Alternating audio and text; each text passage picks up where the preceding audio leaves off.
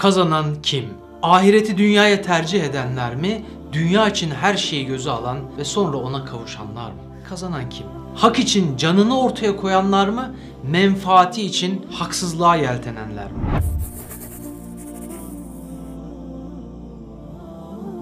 Peygamberimizin damadı ilmin kapısı, Ehli Beyt'in kökü Hazreti Ali'nin şehit edilmesinin ardında sadece keder kalmıştı. Münafıklar ektikleri tohumların zehirli meyveler verdiğini gördükçe mutlu oluyorlar. Müslümanlar ise fitnelere kapılmanın faturasını ödüyorlardı.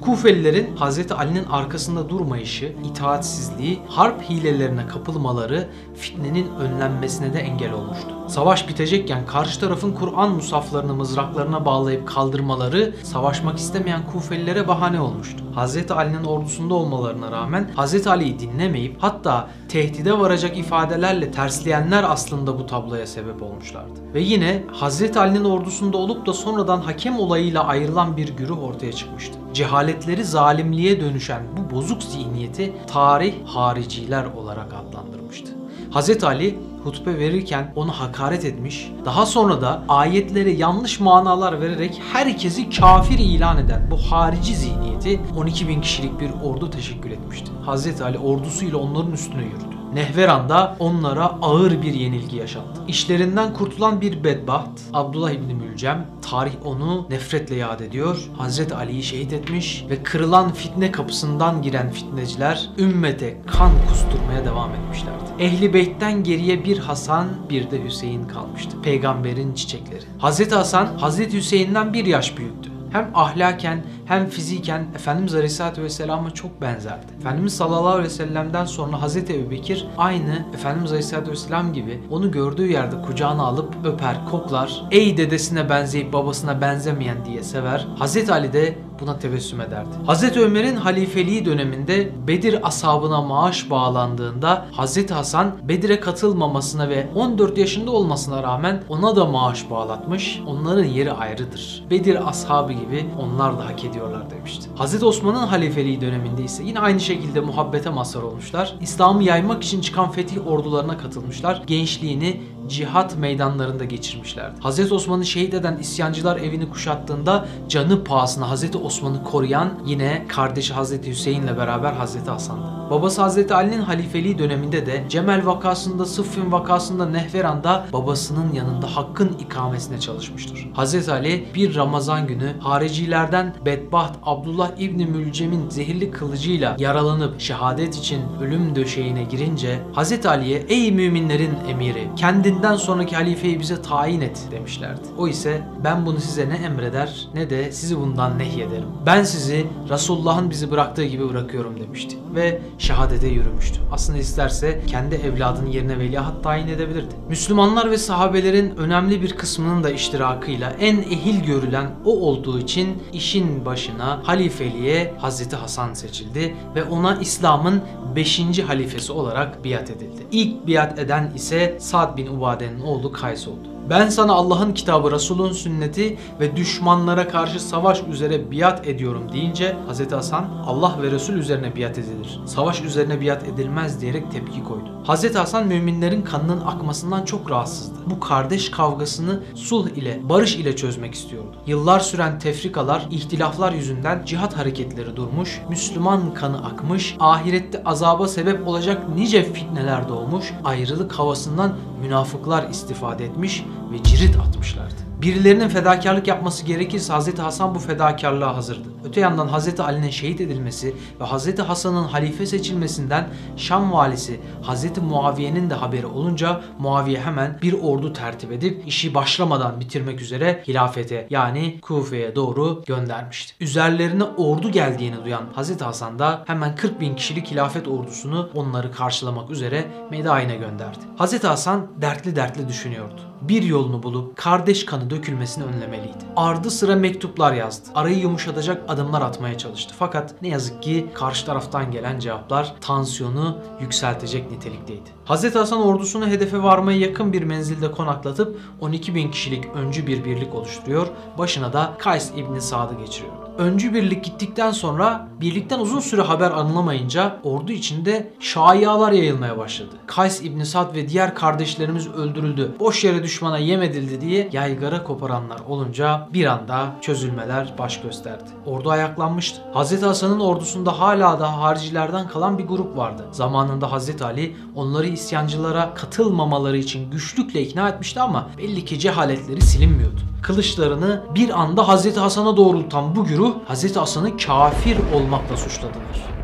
Şu işe bakar mısınız? Son yaptığı hutbesinde söylediği barışta ve savaşta sizin yardımınızı bekliyorum sözünü bir türlü anlayamamışlar. Bu söz Allah'tan başkasının yardımını istemektir. Allah'tan başkasının yardımını isteyen kafirdir. Bu söz kafirliktir demişlerdi. Şimdi işlerinde tuttukları bu hazımsızlıklarını dışa vurmak için doğru anın geldiğini düşündüler. Hatta işlerinden biri sen de baban gibisin. Yoksa şimdi de barış mı istiyorsun dedi ve Hazreti Hasan'ın bindiği ata koşarak Hazreti Hasan'ın bacağına hançer sapladı. Hazreti Hasan kendi ordusunu orada bırakıp geri döndü. Bir ay kadar tedavi gördü ve o sırada anladı ki bu insanlarla savaşa girilmez. Bu insanlarla belki hiçbir şey yapılmaz. Barışın şart olduğuna kanaat getirdi. Bir mektup yazdı ve barış şartlarını Hazreti Muaviye'ye gönderdi. Muaviye tüm şartları kabul etti. Şartlar ise şöyleydi. 1. İntikam için Iraklılardan hiç kimse tutuklanmayacaktı. Irak halkını korudu. 2. Milliyetine bakılmaksızın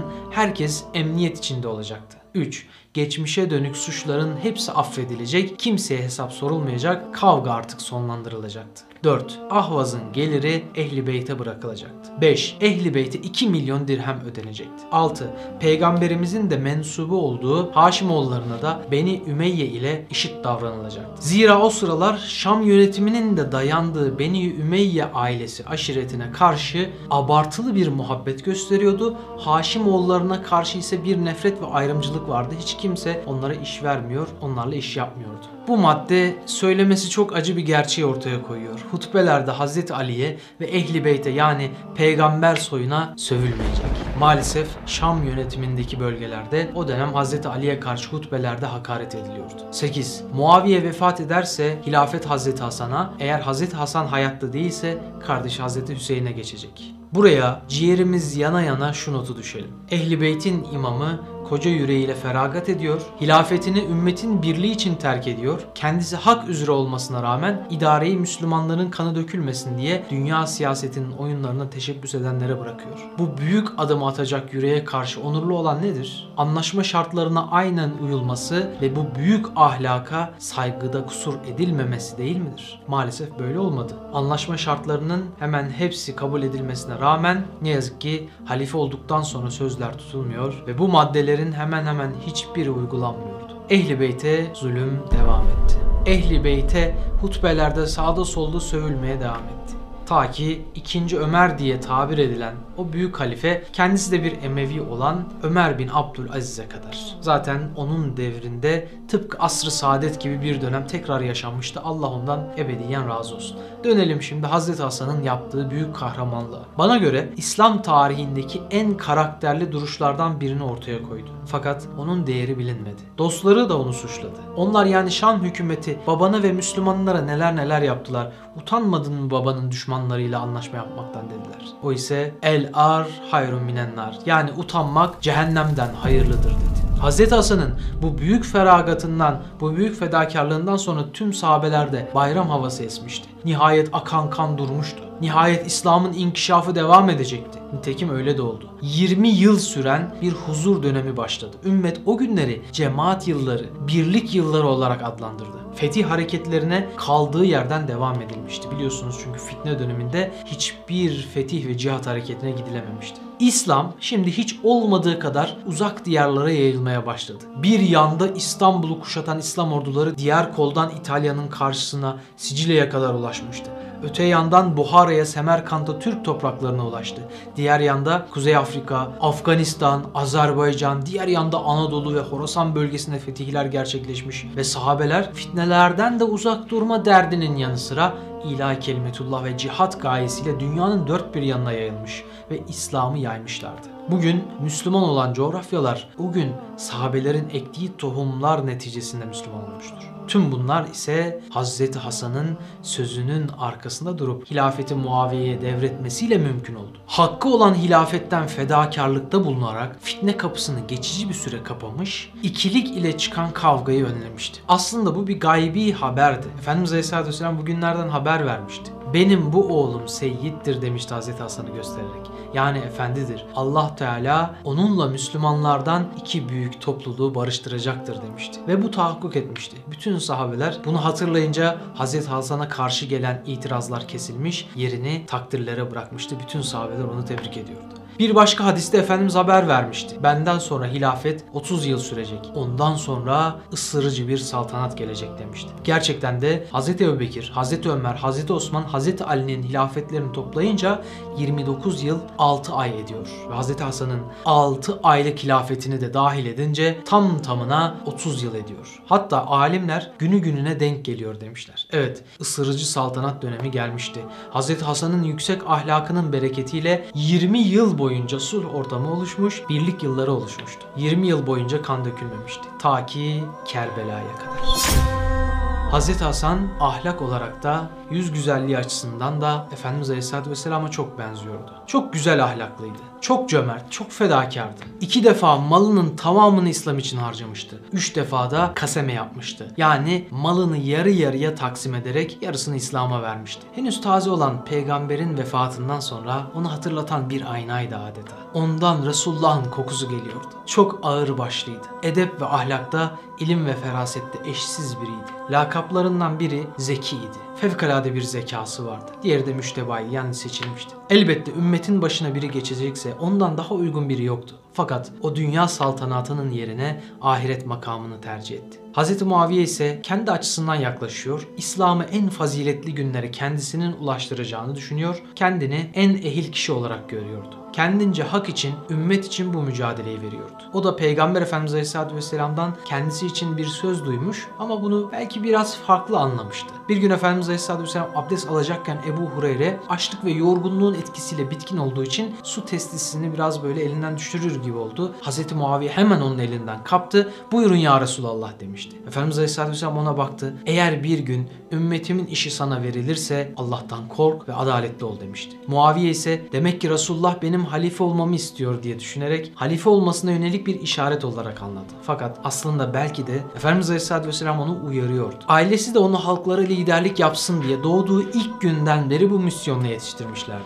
O yüzden Hz. Muaviye ümmeti toparlamak ve ümmetin işlerini idare etme yüküne talip olmuş ve özellikle birlik yıllarında ümmetin fetihler döneminde liderlik etmiştir. Her ne kadar hayırlı özelliklerini kitaplarımızda okusak da öyle bir hatasını da okuyoruz ki Kerbela'nın kapısını aralayan bu hatası olmuştur. Tabiinin büyüklerinden Hasan Basri, Muaviye'nin hayati dört hatasından bahseder. Bunlardan en mühimi kendinden sonra içkici ve ipek giyip çalgılarla meşgul olan oğlunu veliaht tayin etmesidir. Hazreti Hasan her ne kadar sözünün eri olsa da elini idareden ve muhalefetten çekse de Şam yönetimi onu tehlike olarak görüyordu. Medine'deyken 2-3 defa zehirlenmişti. Hatta bir seferinde Efendimiz Aleyhisselatü Vesselam'ın kabrinin yanına gelip dedem hürmetine bana şifa ver ya Rab diye dua etmiş ve zehirden şifaya kavuşmuştu. Ama maalesef her ne kadar bu konuda ihtilaf olsa da muhtemel olan şu ki hanesi içinden biri hanımı Eşat İbni Kays'ın kızı Cade eliyle zehirlenmiş ve 40 gün bunun hastalığını çektikten sonra vefat etmiş şehit olmuştu. Ölüm döşeğindeyken kardeşi Hüseyin gözyaşları içinde yanına koştu. İçim yanıyor Hüseyin dedi. Hüseyin ellerinden tuttu. Abiciğim söyle ne olursun kim yaptı sana bunu dedi. Hazreti Hasan ümmetin birliğine zarar gelir korkusuyla söylemedi. Biliyordu kim olduğunu ama söylersem niza çıkar dedi sustu. İntikam peşinde koşmuyor, sabrediyor. Tüm ümmeti ise yasa boğuyordu. Gidişiyle yeryüzündeki Resulullah'ın kokusu da biraz daha eksilmişti. Resulullah'ın, Allah'ın Resulü'nün yadigarı, emaneti, reyhanım dediği gül goncası Hasan'ına kıymışlar.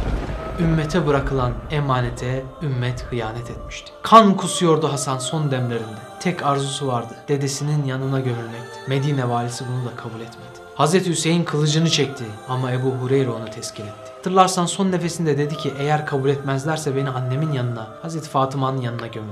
Hazreti Hüseyin dişlerini sıktı. Öfkesini yutkundu. Baki kabristanına annesi Fatıma'nın yanına defnetti Ehl-i Beyt'in.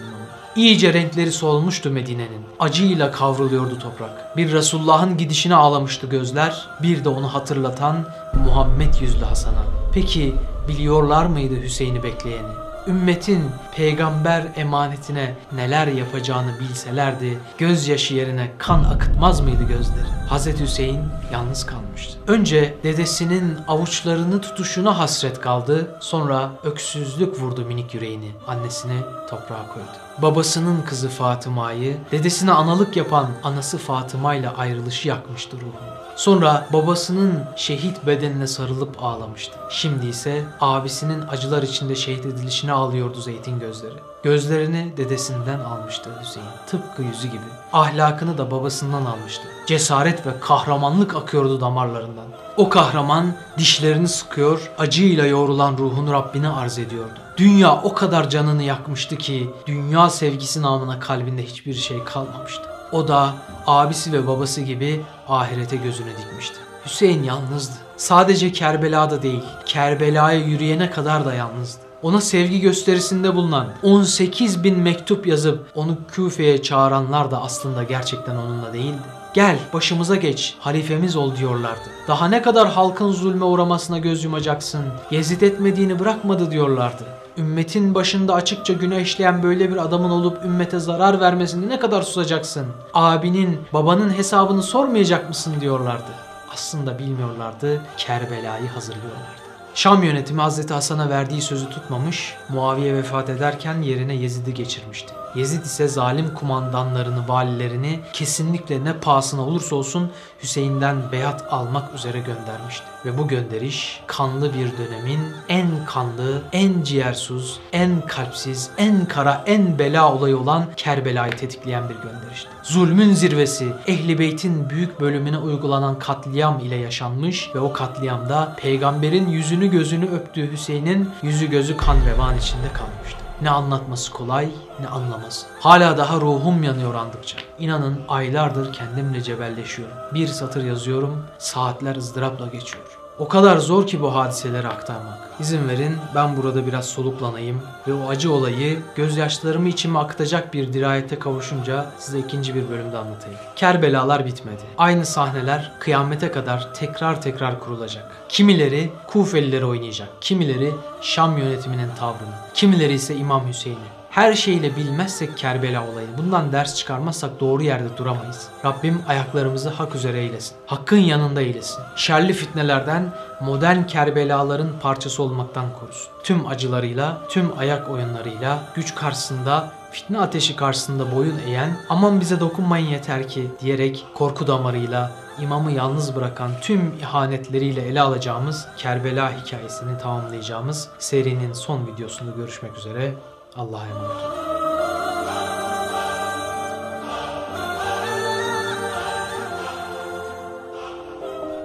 Osman Sungur Yekin'in beklenen kitabı çıktı. Bir gün Anneler de Gider adlı kitabını kitapyurdu.com ve Nüve Design sayfalarından temin edebilirsiniz.